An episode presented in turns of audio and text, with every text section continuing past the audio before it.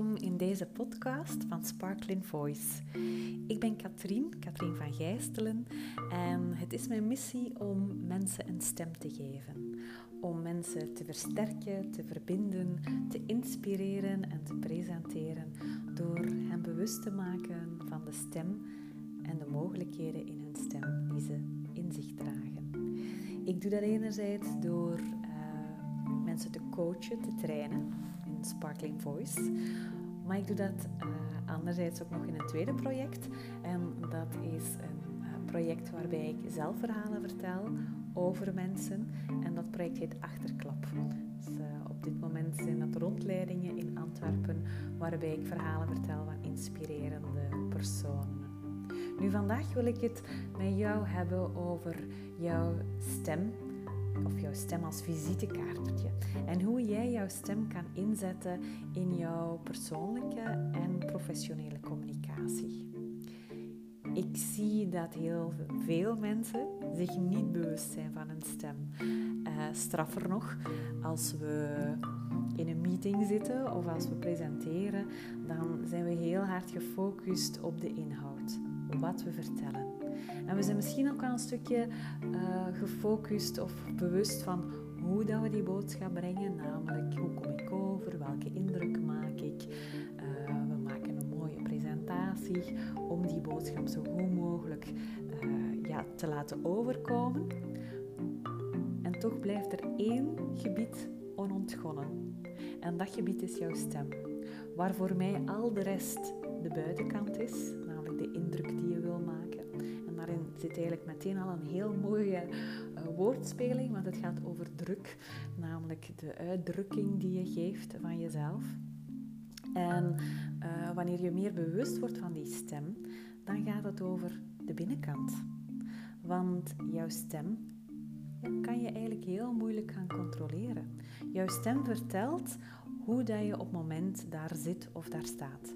Dat nu een presentatie is, of een groep, of een meeting, of in een één-op-één gesprek, jouw stem liegt niet. Wanneer je zenuwachtig bent, dan zal jouw stem misschien wel trillen. Wanneer je, wanneer je aarzelt, zal jouw stem stokken. Wanneer je zenuwachtig bent, dan zal die stem plots meer druk bevatten. En dat zijn zaken waar ik mensen bewust van wil ik zei net, je kan je stem niet controleren, maar je kan wel voor zorgen dat de druk van die stem verminderd wordt. En dat jouw stem veel meer zal resoneren, waardoor dat je op een andere manier in een meeting zit, voor een groep staat, maar waardoor dat je ook op een andere manier zal connecteren met jouw publiek. Zoals ik al zei, de focus ligt heel vaak buiten onszelf wanneer we presenteren, wanneer we een video opmaken bijvoorbeeld of een webinar geven. Maar wees je ook eens bewust van, ja, hoe zit ik in zo'n meeting? Hoe is mijn ademhaling? Hoe klinkt mijn stem op dit moment? Want daarin zit jouw impact. Hoe meer dat jouw stem vrij is en hoe meer jouw stem kan resoneren, hoe groter het vertrouwen is dat je zal wekken, maar ook hoe meer ruimte dat je jezelf geeft en dat je de ander kan geven.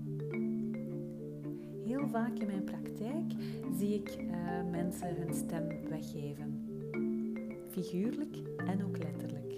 Er zit namelijk zoveel druk op de stem van een mens, waardoor dat er zo weinig blijft kleven van de boodschap die je wil heel concreet hoe werkt dit. En ik ga nu even heel technisch zijn uh, om jou te tonen of om je uit te leggen hoe, hoe het stem als apparaat functioneert. Hè. Dus jouw stem zit in jouw strottenhoofd. Als je goed voelt, dan zit daar een knobbeltje. En als je jouw hand op dat knobbeltje vooraan op je strottenhoofd legt en je slikt, dan zal je voelen dat dat knobbeltje naar achter en naar boven gaat is jouw schildknobbel.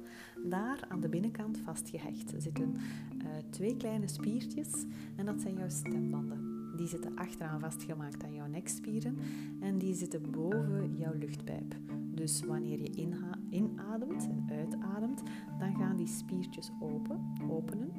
En wanneer je klank maakt, dan is de bedoeling dat die spieren eigenlijk goed aansluiten, zodat door de fijnheid van de lucht die er wordt doorgestroomd, dat daar op die manier klank wordt gemaakt.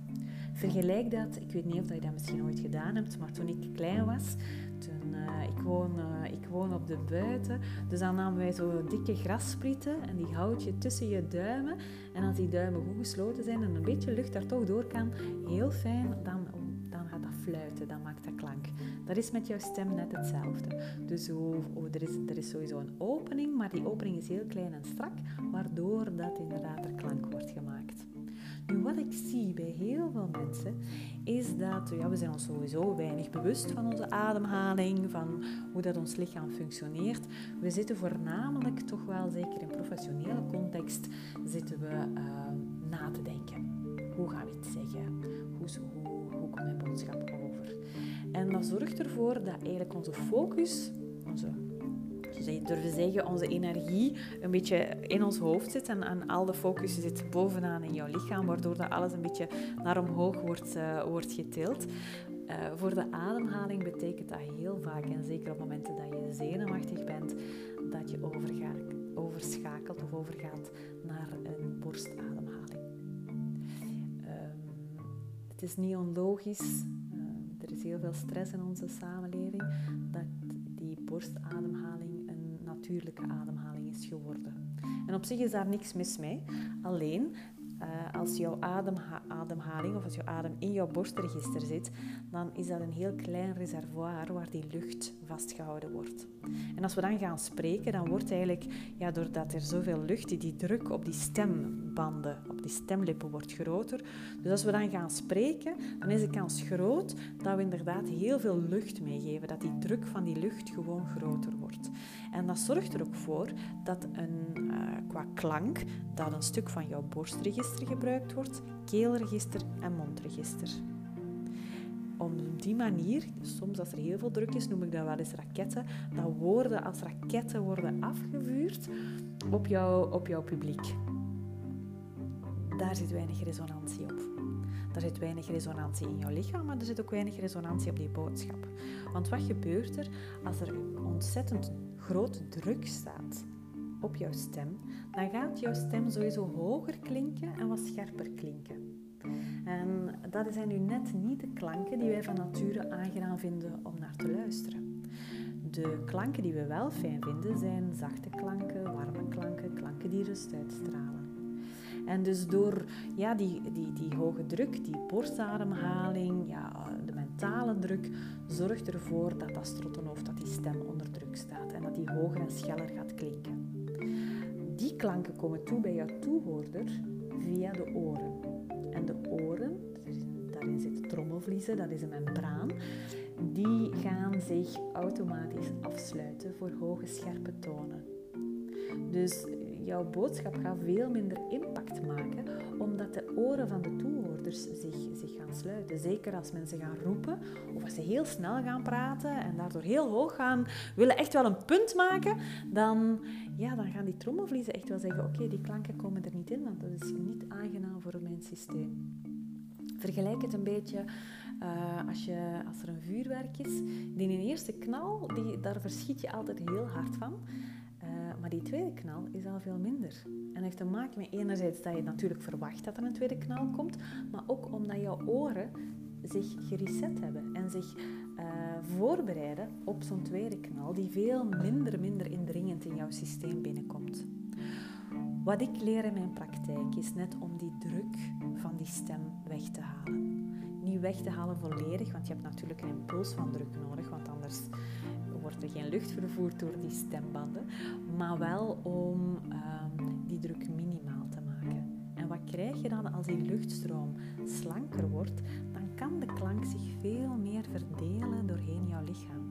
En dan krijg je een soort, ja, jouw lichaam als klankkast. Van jouw kruin tot en met jouw romp kan dan eigenlijk veel meer die klank gaan absorberen en veel meer die klank laten resoneren.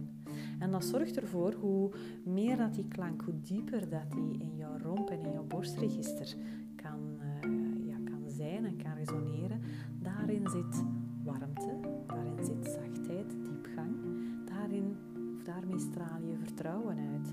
Daarmee straal je leiderschap uit.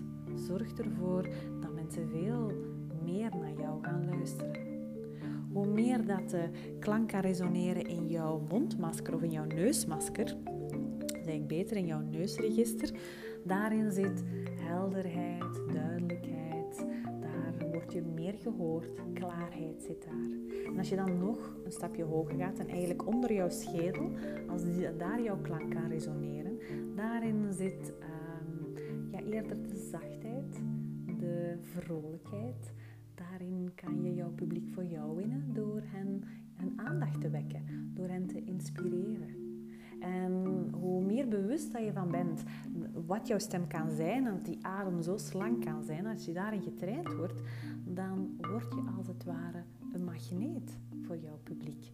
Want je geeft niet je stem weg. Jouw woorden worden geen raketten die afgeweerd worden, maar door die zachte klanken. Hè, dat is een soort eh, trilling die je echt wel kan meten, die je kan voelen in jouw botten, in jouw spieren is al moeilijker en bindweefsel. Maar je kan bijvoorbeeld als je jouw hand op jouw rug legt, dan kan je echt die botten van jouw uh, ruggengraat mee voelen trillen. Dus die vibratie gaat gewoon helemaal door jouw lichaam. En dat zijn die geluidsgolven. Die geluidsgolven gaan buiten jouw lichaam, vinden daar weer opnieuw de toegang in de oren van jouw luisteraar. En de trommelvlies zal in diezelfde trilling, want dat is wel aangenaam. En die klanken gaan veel beter binnenkomen, gaan veel meer geabsorbeerd worden. Wat maakt dat je een soort ja, bubbel creëert, waarbij dat je mensen meeneemt in jouw verhaal, meeneemt in jouw boodschap, in plaats van ze weg te duwen. En daarin zit impact, daarin zit jouw... Ehm, ja, daar, daar, zit, daar zit de kracht van jouw boodschap. Die stem die ervoor zorgt dat je connectie maakt met jouw publiek. Ze niet weg te geven, maar vanuit een rust communiceren. En er is niet zo fijn dan te luisteren naar een stem die rust uitstraalt. Als ik uh, workshops geef en ik vraag aan mensen in mijn publiek wat zijn aangename stemmen om naar te luisteren, dan worden er heel veel radiostemmen opgesomd. En die radiostemmen die zijn namelijk getraind om vanuit een rust te communiceren. Zonder daarin druk te zetten, want die druk is natuurlijk niet fijn voor de microfoon, niet fijn voor de luisteraar. En toch zijn die stemmen niet saai. Want dat is dan de volgende vraag die je krijgt. Ja, maar als we dan vanuit een soort rust communiceren, dan wordt dat toch wel saai voor onze toehoorder? Nee, net niet. Omdat hoe rustiger jouw ademhaling, hoe meer dat die klanken ook ja, boven in jouw kopregister kunnen resoneren, veel meer in jouw borstregister. En dan krijg je veel meer melodie. Veel meer die vanuit die zachtheid, dat eigenlijk jouw stem hoogtes en laagtes kan meegeven. Boventonen en ondertonen zou je het kunnen noemen. Ehm, en dat is eigenlijk wel fijn om dat, om dat te ervaren. Zeker als je eh, een presentatie moet geven, kan je op die manier echt wel jouw publiek gaan inspireren, bekoren, voor jou winnen. Anderzijds kan je deze, deze, deze bewust, of dit bewustzijn kan je echt ook gaan inzetten in onderhandelingen. Namelijk, ja, wil je jouw uh, luisteraar of jouw, jouw partner aan de overkant van de tafel, wil je die onder druk zetten? Of wil je ervoor zorgen dat die echt wel meegaat in jouw verhaal? En dat je op die manier tot een compromis kan komen? Geef je jezelf ruimte om jouw stem te laten horen en hoeveel ruimte geef je aan de ander? Hoe zet jij jouw stem in? En het is niet alleen jouw eigen stem, of het gaat niet alleen over jouw eigen stem. Hoe meer bewust je bent van hoe een stem kan klinken, hoe jouw eigen stem klinkt, hoe meer dat je ook kan luisteren naar de stem van de ander. En daar zit zoveel waardevolle informatie uit. Is iemand geloofwaardig? Is iemand zenuwachtig? Aarzelt iemand? Als je daar goed naar kan luisteren, daar begint het natuurlijk mee, luisteren naar jezelf en luisteren naar de ander, dan heb je een grote voorsprong in onderhandelingen. Dat is wat ik leer in mijn trajecten bij Sparkling Voice. Wil je daar meer over weten, zou ik zeggen, neem zeker eens een kijkje uh, op www.sparklingvoice.be. Ik bied enerzijds groepstrajecten aan en individuele trajecten ben je getriggerd en uh, ben je nieuwsgierig van, tja, ik ben wel eens benieuwd nu wat mijn stem vertelt. Hoe klinkt mijn stem? Wel, uh, ik, uh, ik wil gratis jou opbellen dan, en dan luister ik eens naar jouw stem en dan kan ik jou wat feedback geven. Dus stuur mij een, een, berichtje via, de, via mijn website of at info at sparklingvoice.be en dan bel ik jou binnenkort op. Ik hoop dat, uh, dat je er iets aan had aan deze podcast. En uh, ik uh, kijk er naar uit om meer van jou te horen.